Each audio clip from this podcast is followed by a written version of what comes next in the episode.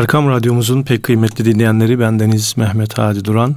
Bir İlahi Nefesler programımıza da hoş geldiniz, sefalar getirdiniz efendim. Bugünkü programımızda yine sizlere güzel ilahiler dinleteceğiz. Ve bu ilahiler arasında da e, bu hafta sizlere e, Mustafa Düzgünman'dan bahsedeceğiz ki kendisi de tam bir İstanbul beyefendisi. İlim, irfan e, hayatımızda ve İslam sanatlarında e, çok müstesna yeri olan bir zattan bahsedeceğiz. E, onun hikaye hayatından bahsederek bugünkü programımızı da renklendirmeye gayret edeceğiz efendim.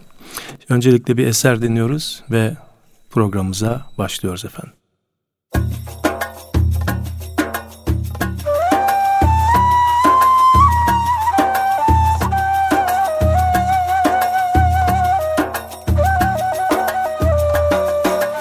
Aşk ve zirganı, sermaye canı Aşk ve zirganı, sermaye canı. Bahadır gördüm cana kıyanı Ah bahadır gördüm cana kıyanı. Zehi bahadır can terkin urur Zehi bahadır can terkin urur Kılıç mı keser himmet giyeni? Kılıç mı keser himmet giyeni?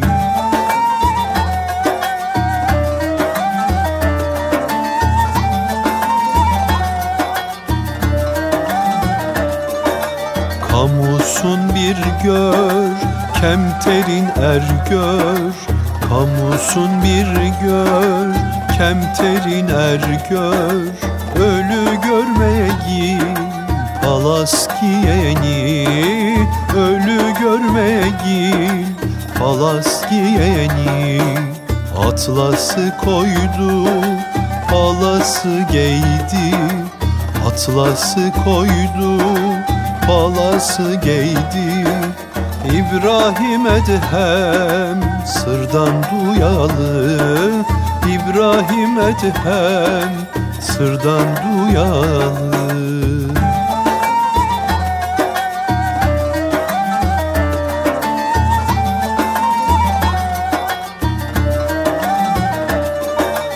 Ses çıkarırlar fevkal ulaya. Ses çıkarırlar fevkal ulaya. Şol İsa gibi dünya koyanı Şol İsa gibi. Dünya koyanı Tez indirirler tahte seraya. Tez indirirler tahte seraya.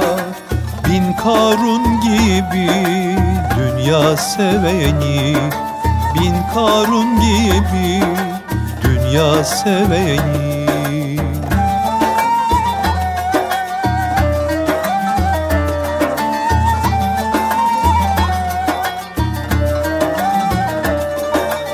Mansur'u kim gör? Enel hak dedi. Mansur'u gör kim? Enel hak dedi. Berdar ettiler işittin anı. Berdar ettiler işittin anı. Zinhar ey Yunus gördüm demesen. Zinhar ey Yunus gördüm demesen O da yakarlar gördüm diyeni O da yakarlar gördüm diyeni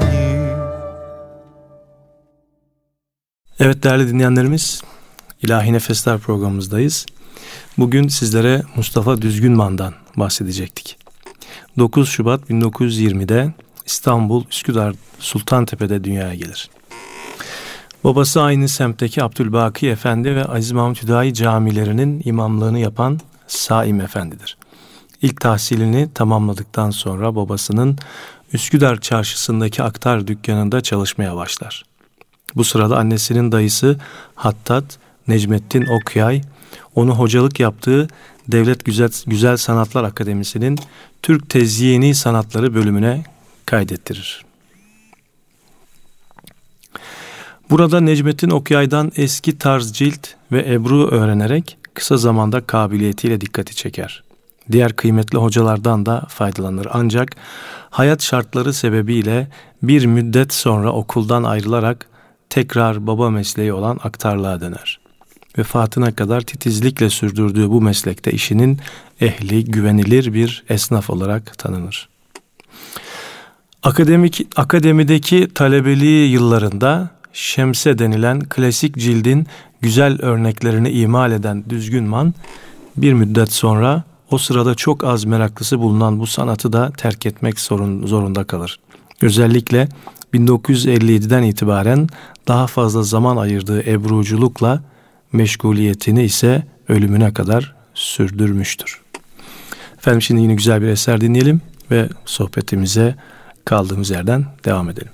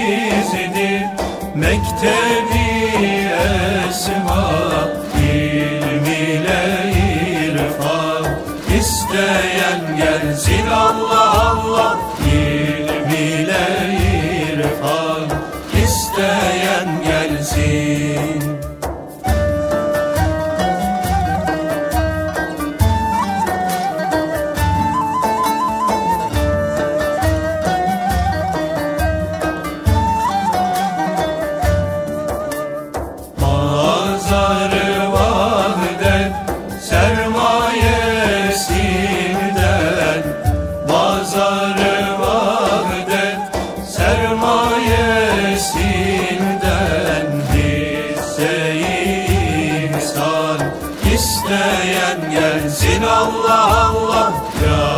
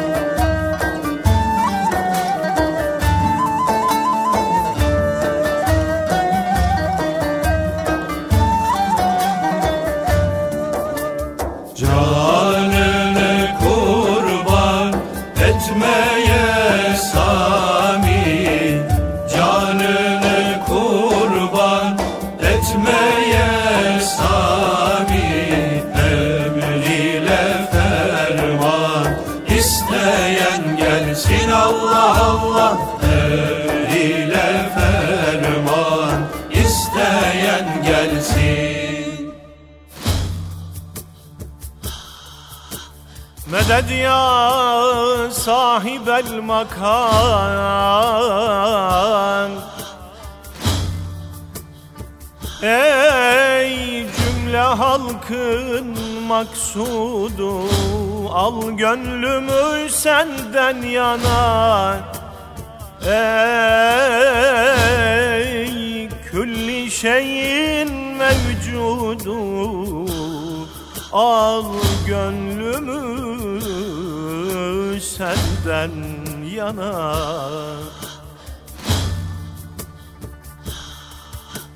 Budur yüreğim yarası Gitmedi yüzüm karası.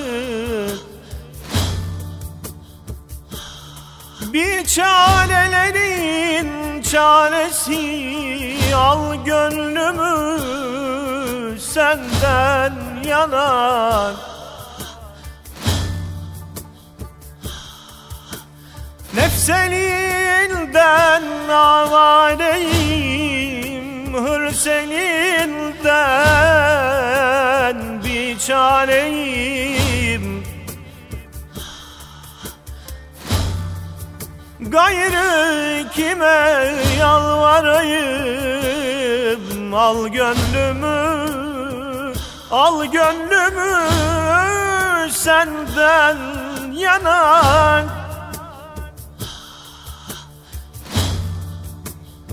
Mustafa'nın izzetine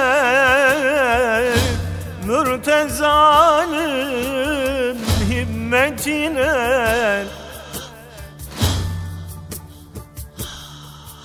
Şol birliğin hürmetine Al gönlümü senden yanar Ümmü Sinan der yaradan Kaldır perdeyi aradan. Kurtar beni, kurtar beni bu yaradan. Al gönlümü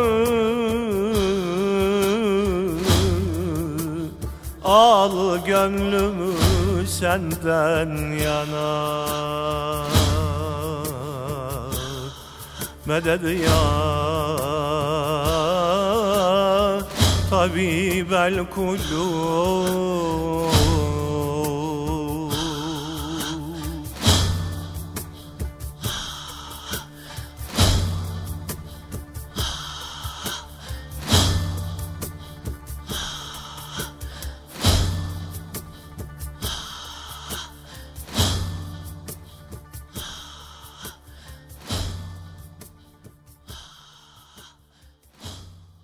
Evet efendim bu güzel eserden sonra Mustafa Düzgünman'dan bahsediyorduk.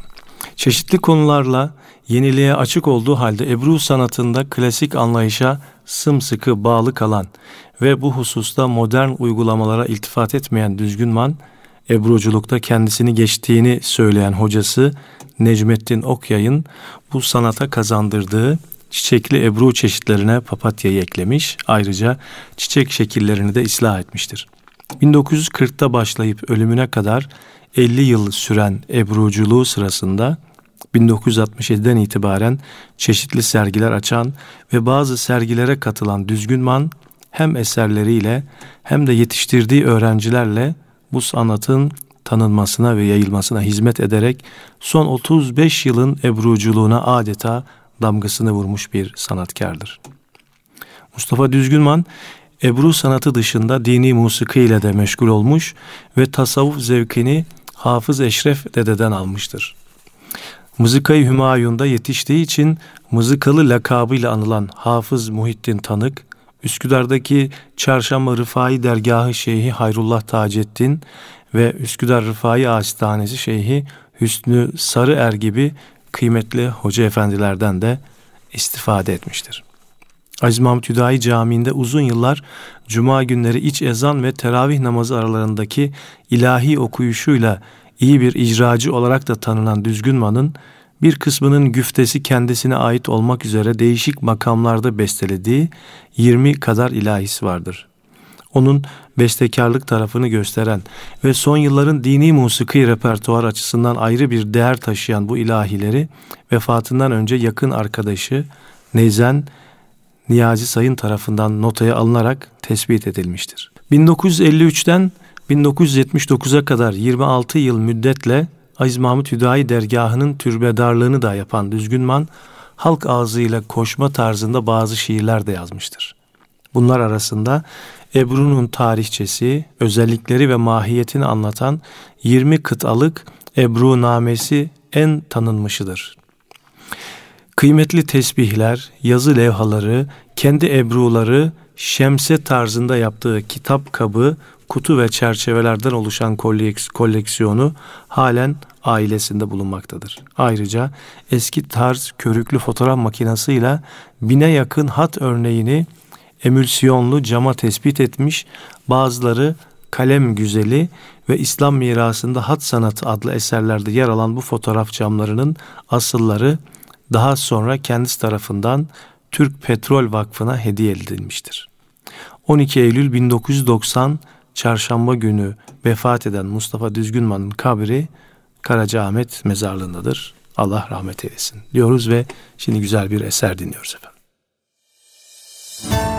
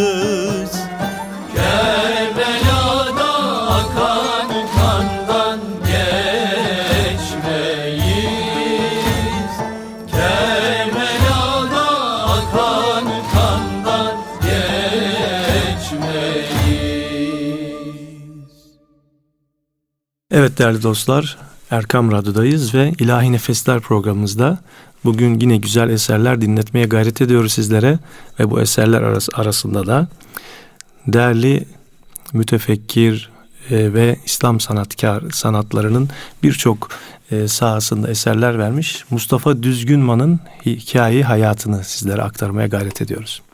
Evet, tarihte yaptıkları pek çok sanatsal ve kültürel etkinliklerinden ötürü kimi sanatkarlar hezarfen sıfatıyla taltif edilerek halk nezdinde büyük hüsnü kabul görmüşlerdir. Gelenekli sanatlarımızdan Ebru'nun 20. yüzyılın son yarısına damgasını vurmuş üstadı merhum Mustafa Esat Düzgünman'ın da hezarfenlik yolunda pek çok sanatı nevi şahsına münhasır bir çizgide cem ettiğini söyleyebiliriz. Bu dünyadaki yolculuğuna bundan 89 yıl önce İstanbul'un sanatla ve kültürle harmanlanmış semti Üsküdar'ın Sultan Tepesi'nde 1920'de başlamıştır. Bu kayda değer yolculukta 20. yüzyılda adeta tükenmeye yüz tutan İslam sanatı ve estetiğinin mümtaz temsilcisidir Mustafa Düzgünman. Evet, yine hikayeyi hayatını böyle e, arada e, sizlere takviye ediyorum zaman zaman. Mesela İmam Hatiplik ve attarlık yapan Saim Efendi ve Şükriye Hanım'ın ikinci çocuğu olarak e, hayatını devam ettirir. İlkokulu bitirdikten sonra da babasının yanında attarlık yaptığını söylemiştik daha evvel. Efendim, e, Düzgünman adı sanat tarihi otoritelerine geçmiş pek çok müzede ve kişisel koleksiyonlarda eserleri bulunan bir sanatkardır. Ebru'nun bu 20. yüzyıldaki en son halkasıdır denilebilir. Ki bu halka şöyle şekillenir. Rahmetli Ahmet Yüksel Özemre üstadın tabiriyle dünyanın en verimli Ebru üstadlarının yaşadıkları Üsküdar semti evvela Özbekler Tekkesi Şeyhi Sadık Efendi ile birlikte Ebru sanatıyla tanışır. Sonrasında bu sanat oğullarından Şeyh Hezarfen İbrahim Ethem Efendi aracılığı ile Osmanlı irfanı ve estetiğini şahsında yaşatmış olan Hezarfen Necmettin Okyay ki kendisinden de bir programımızda müstakilen bahsetmiştik. Bu e, hocaya intikal eder. Ebru'ya çeşitli çiçek motiflerini kazandıran Necmettin Okyay Hoca da bu sanatı Medresetül Hattatin ve Devlet Güzel Sanatlar Akademisi'ndeki hocalığı döneminde pek çok talebesine öğretir. En gözde talebeleri de oğulları Sami ve Sacit Okyay ile Mustafa Esat Düzgünman, Ali Arparslan ve Uğur Derman hocalardır. Mustafa Esat Düzgünman'ın Hayrul Halefleri arasında da Alparslan Babaoğlu, Fuat Başar, Aydın Gülan ve Sabri Mandıracı isimleri zikredilmektedir. Bu isimler arasında Alparslan Babaoğlu Üstad'ın çok fazla icazet vermediği ve icazetli öğrencisi olarak Neyzen Sadrettin Özçimi Hoca'nın olduğu bilinmekte. Fuat Başar Hoca ise geleneğe bağlı talebeler yetiştirmeye devam etmektedir. Efendim şimdi yine güzel bir eser dinleyelim. Bu e, güzel sohbete kaldığımız yerden devam edelim.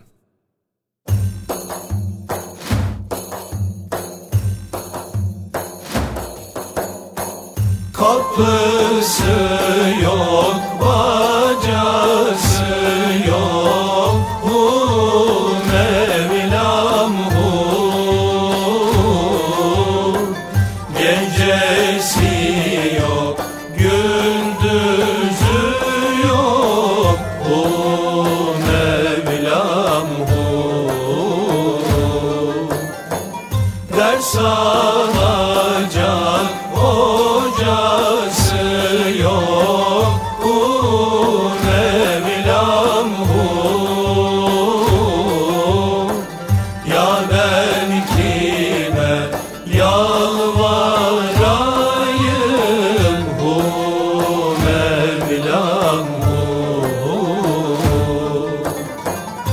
Kalbir kulu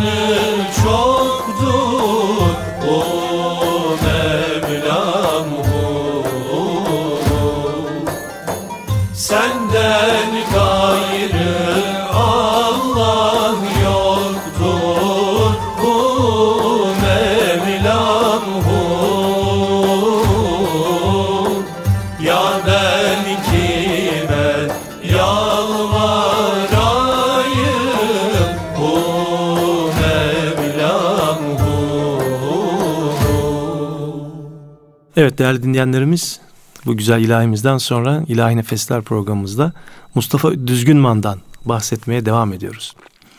Ebru sanatında klasik anlayışa sımsıkı bağlı kalan merhum Düzgünman sadece Ebru sanatıyla kalmayıp tarzı kadim cildin örneklerini vermiş, tesbihçiliğe ve fotoğrafçılığa merak salmış ve daha önce de bahsettiğimiz gibi dev, devrin, dönemin kıymetli musiki şinaslarından da dini musiki meşk etmişti. E, hayatı boyunca hem kişiliği hem de sanatı bakımından mütevazı bir hayatı kendisine şiar edinen Düzgünman, yıllar önce TRT kanallarında bir televizyon kanalı olan TRT'de yıllar evvel kendisiyle yaptığı bir e, yapılan bir mülakatta hayat karelerini kendisi şöyle aktarır. 1920'de Üsküdar Sultantepe'de doğdum. İlkokulu bitirdikten sonra babamın yanında yardım edip baharatçılık yapmaya başladım. Bu arada evimde kendi kendime cilt yapmaya başladım. Annemin dayısı olan Necmettin Okyay Hoca bu durumdan beni aldı götürdü ve akademiye Ebru ve cilt atölyesine yazdırdı. Kendisi de zaten oranın hocasıydı. Ve Ebru yapmayı kendisinden öğrendim. Bu meyanda bu işlerle uğraşırken de dini musiki dersleri aldım. Fotoğrafa merak saldım. Kendimi şaselere, camlara çekip agrandişmanlarını ya da da kendim yapardım. Çok kıymetli yazılar çektim. Askerliğime kadar böyle devam ettim der hoca kendi e, ifadesiyle. Üsküdar'ın örnek şahsiyetlerinden olan babası Saim Efendi'nin himayesinde tanıştığı kültür muhitini ve dini musikiyle tanışmasını ise şöyle anlatır. Babam Üsküdar'da Aziz Mahmut Hüdayi Efendi Camii İmam Hatibi'ydi. Tabii biz de o muhitte yetiştiğimiz için camide musiki muhakkak lazımdır. Oradan da bir merak oluştu. Ezan okumak, müezzinlik etmek falan derken dini musikiye çok merak ettim. O zaman mızıkalı hafız Muhittin Efendi vardı Üsküdar'da. Ondan ve Çarşamba Tekkesi Şeyhi Hayrullah Efendi'den dini eserler geçtim. Mevlid tevşihleri, Ramazan ilahileri, devran ilahileri. Bu şekilde epeyce yol almış olduk. Akabinde söylediği rahmetli Hüseyin Saadet'in Arel'e ait rengi dil makamındaki bir ilahi de halen hoş bir sada olarak gök kubbede yankılamaya devam eder. Ey dertlerin derdine derman eden Allah, müznip kuluna rahmeti gufran eden Allah. Mustafa Düzgünman 1953 ve 79 yılları arasında Hüdayi dergahının türbedarlığını da e, bu vazifede devam etmiştir. Bu zaman zarfında yapmış olduğu vazifenin de bilincinde olarak tasavvufa da merak salmış ve Hazreti Hüdayi'nin mesajlarını tasavvuf zevkini ziyadeleştirmiştir. O yıllarını da Düzgünman şöyle anlatır. Ben onun muhitinde yaşadığım, yetiştiğim için ona zahiren bir muhabbetim vardı. Fakat ben de daha genç yaşlarda bir tasavvuf merakı, zevki belirmeye başladığı zaman Hazreti Hüdayi'nin divanında söylediği sözleri o zaman anlamaya, anlamaya başladım. Ondan evvel anlamıyordum. Bu bir tasavvuf kaidesidir. Onun üzerine gördüm ki Hazreti Hüdayi bir derya. Onun söylediği nutuklar Kur'an'ın özü. Hayran oldum ve aşık oldum ona.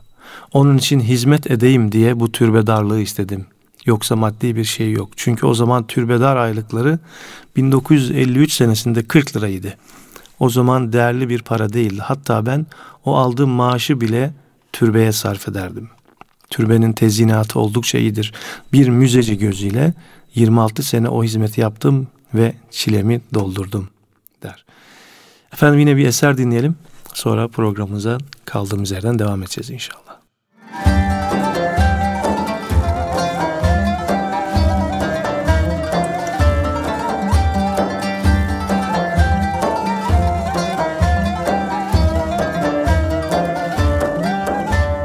Canı dilden fani kıl kıldın akıbet Canı dilden fani kıldın akibet Sen beni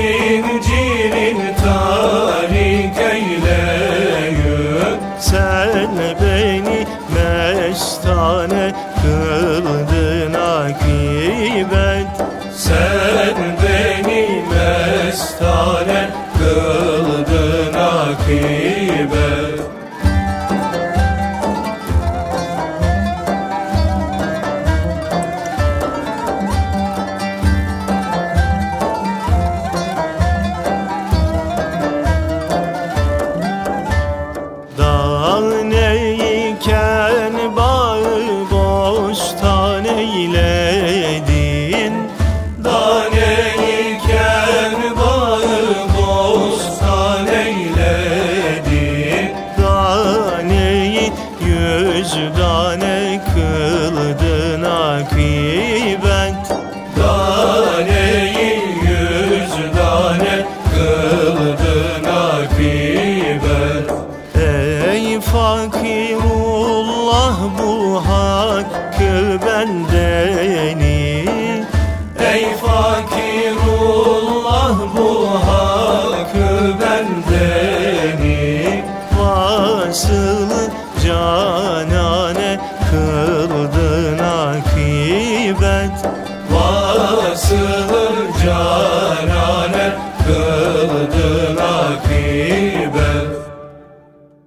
Düzgünman'ın şairlik vasfının da olduğunu öğrenmekteyiz.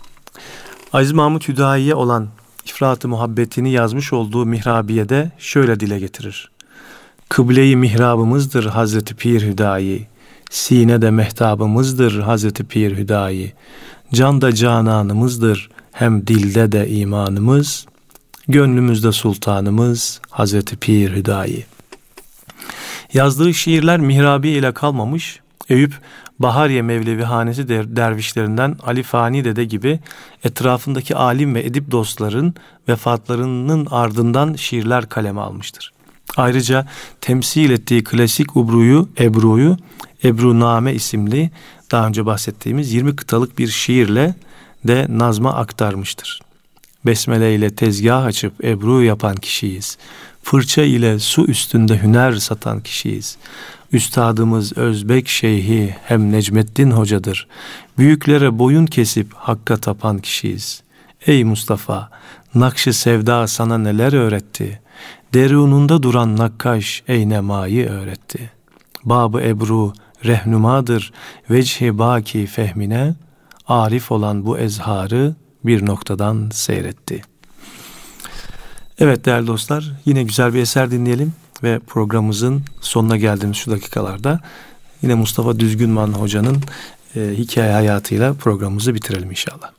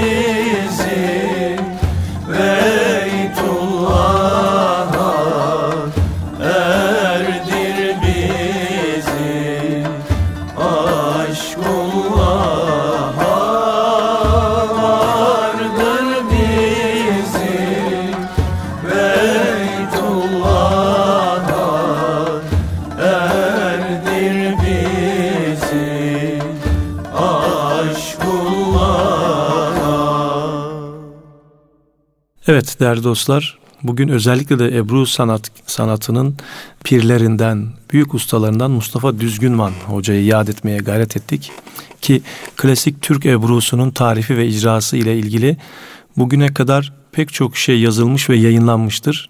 Düzgünman'dan bugüne geçen süreç içinde ulusal ve uluslararası camiada neşvü nema bulmuş, eğitimi yaygınlaşmış olan Ebru'nun tarifi, yapılışındaki incelikler klasik ve modern tartışmaların ortasında pek çok defa konuşula gelmiştir. Şimdilerde Ebru'yu modernize etme telaşına girerek adeta yağlı boya eserler verip adına Türk Ebru'su diyenlere klasik usluba sıkı sıkıya bağlı kalan Mustafa Düzgünman Üstad yıllar evvel şöyle cevap vermiştir. Ebru tükenmeyen bir hazinedir. Bu kendi içinde kendi kendini karakterini hiç bozmadan zaten tekamül ediyor. Bunun haricinde modernizasyon gibi bir şey olamaz. Çünkü bu ecdat yadigarını, bunun tarihini yaşatmak mecburiyetindeyiz. Niye modernizasyon olsun? Bu nihayeti olmayan bir renk cümbüş. Güzelliği tükenmiyor ki yeniden bir şeyler icat edilsin. Şimdi zamanımızda resme kayan bir Ebru tavrı görüyoruz. Onlara bakıldığı zaman bir yağlı boya manzarası tablosu gibi bir şey oluyor. Yani Ebru'nun dışına çıkılıyor. Aslında onlar da Ebru'dan yapılıyorlar ama bakıldığı zaman yağlı boya manzarası izlenimi veriyor. Biz buna Türk Ebru'su falan diyemeyiz ancak çağdaş Ebru diyebiliriz. Yoksa sanatlı bir şey takdir ederim. İşte bunlar modernizasyon ya çağdaş Ebru ismiyle yürütülebilir bizim bizim Ebru'muzun karakteri hiçbir zaman bozulmalı, bozulmamalıdır. Evet, klasik sanatımızın özündeki geleneksel tavırda hoca talebe ilişkisi çok önem arz ediyor değerli dostlar. Hoca bir mürşidi kamil gibi talebesini inceden inceye deruni bir olgunluğa ulaştırır. Bu hoca talebe ilişkisini Necmettin Okyay ile Mustafa Düzgünman arasında çok net bir şekilde görebiliriz. Bu noktada bir öğreticinin çok önemli olduğunu ve her fırsatta dile getiren Düzgünman'ın Ebru sanatına yeni başlayan öğrencilere ve bu klasik sanatın kendi kendine de öğrenilebileceğini söyleyenlere yıllar evvel yine şunu söylemiş ve tavsiye niteliği taşıyan şu tespitleri bizlere aktarmış. Akademide çalıştık işte Ebru'yu öğreniyoruz diye öğrendiğimizi zannettik. Ben kurayım da evde kendim de yapayım dedim. Her şeyi hazırladım. Fakat başladığım zaman işler ters gitmeye başladı. Bir türlü uğraştım. Evet Ebru çıkıyor ama renkler kayboluyor. Bir ahenksizlik var. Ahenksizlik var. En nihayet bıraktım. Hocaya gittim. Haber verdim. Eve kadar geldi. Baktı. Kusurlarımızı gördü. Halbuki o biz o zaman Ebru'yu öğrendik zannediyorduk. Öt ve su ayarında bozukluk varmış. Bunu bana öğretti ve halletti. Sonra gene başladım. İkinci teknede gene olmamaya başladı. Bu sefer tekrar çağırdım hocayı eve. Bu sefer de onun dediğinin aksine suyu az ödü az çamur gibi oluyordu. Şimdi bundan su çıkıyor, şu çıkıyordu. Mektepte çalışırken hocanın eli değiyordu. İşte işin püf tarafı burada. Ama bunu hoca anlamazdı. İnsan kendisi yapmaya başladığı zaman bu püf noktasını yavaş yavaş bulacak. Yoksa hocanın eli değdikçe o püf noktası anlaşılmıyor. Saime Hanım'ın vefatından sonra 60'lı yaşlarının sonunda Mustafa Düzgünman'ın da rahatsızlıkları artmaya başlar. 1989 yılında bir hekime görünmesinin ardından kalın bağırsağında bilye büyüklüğünde birkaç adet tümör tespit edildiği için ameliyat olması gerekir. Oğlu Ali ve yakın dostu merhum Ahmet Yüksel Bey'in refakatinde ameliyata götürülür. Ameliyatın başarılı geçmesine rağmen tümörler kötü huylu çıktığı için üstadın durumu ağırlaşır. Takvimler 12 Eylül 1990 çarşamba günü gösterdiğinde Mustafa Düzgünman bu fani alemdeki yolculuğunu tamamlayıp baki aleme göç eder. Cenaze namazı bütün bir ömrü boyu aşık olduğu ve 26 yıl türbedarlığını yaptığı Aziz Mahmut Hüdayi Hazretleri'nin dergahında kılınarak Karacaahmet mezarlığında babasının mezarına defnedilir. Biz de Üstadı bu vesileyle rahmet ve minnetle anıyoruz ve aziz hatırası önünde hürmet ve saygıyla eğilip selamlıyoruz kendisini. Mekanı cennet olsun inşallah. İnşallah bu açmış olduğu çığır e, talebeleri tarafından devam ettirilir ve o klasik usluptaki sanatı diğer icra ettiği sanatları da tekrar tekrar e, geliştirilerek e, yeni nesle aktarılır diye Yüce Rabbimizden temenni ve niyaz ediyoruz. Ve bu duygu ve düşüncelerle programımız burada sona eriyor. Yine bir eserle programımıza veda ediyoruz. Allah'a emanet olun efendim. Varsam Hicaz inlerine Düşsem Kabe yollarına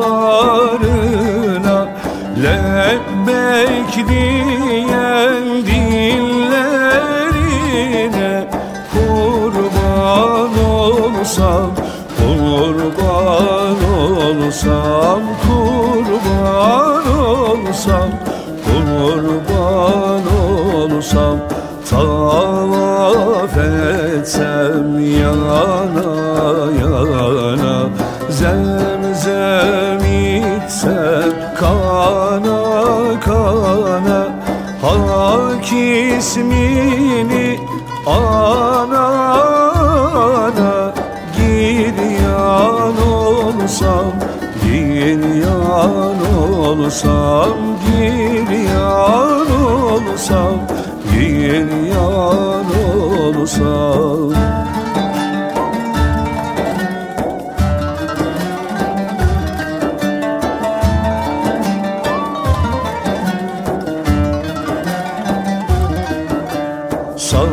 Safasında safa sürsem Mervesinde hürmet görsem Hatimine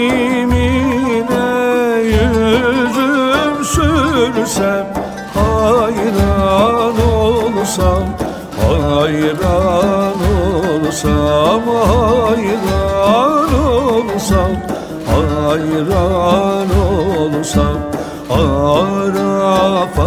Arafat'ta vakfetsem Cebelü rahmeye yetsem Mescidin emreye gitsem Üryan olsam, üryan olsam, üryan olsam Üryan olsam Mina'da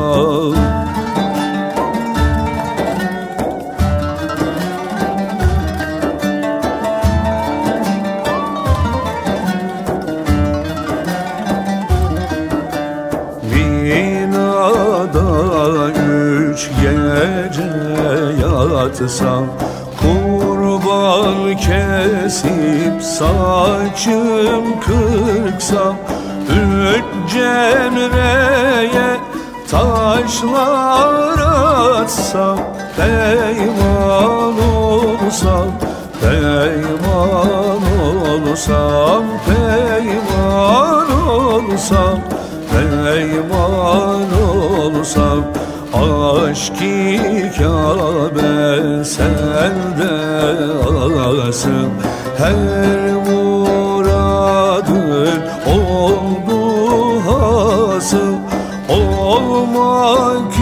için Hakka asıl irfan olsam İrfan olsam, irfan olsam İrfan olsam, irfan olsam İrfan olsam, irfan olsam İrfan olsam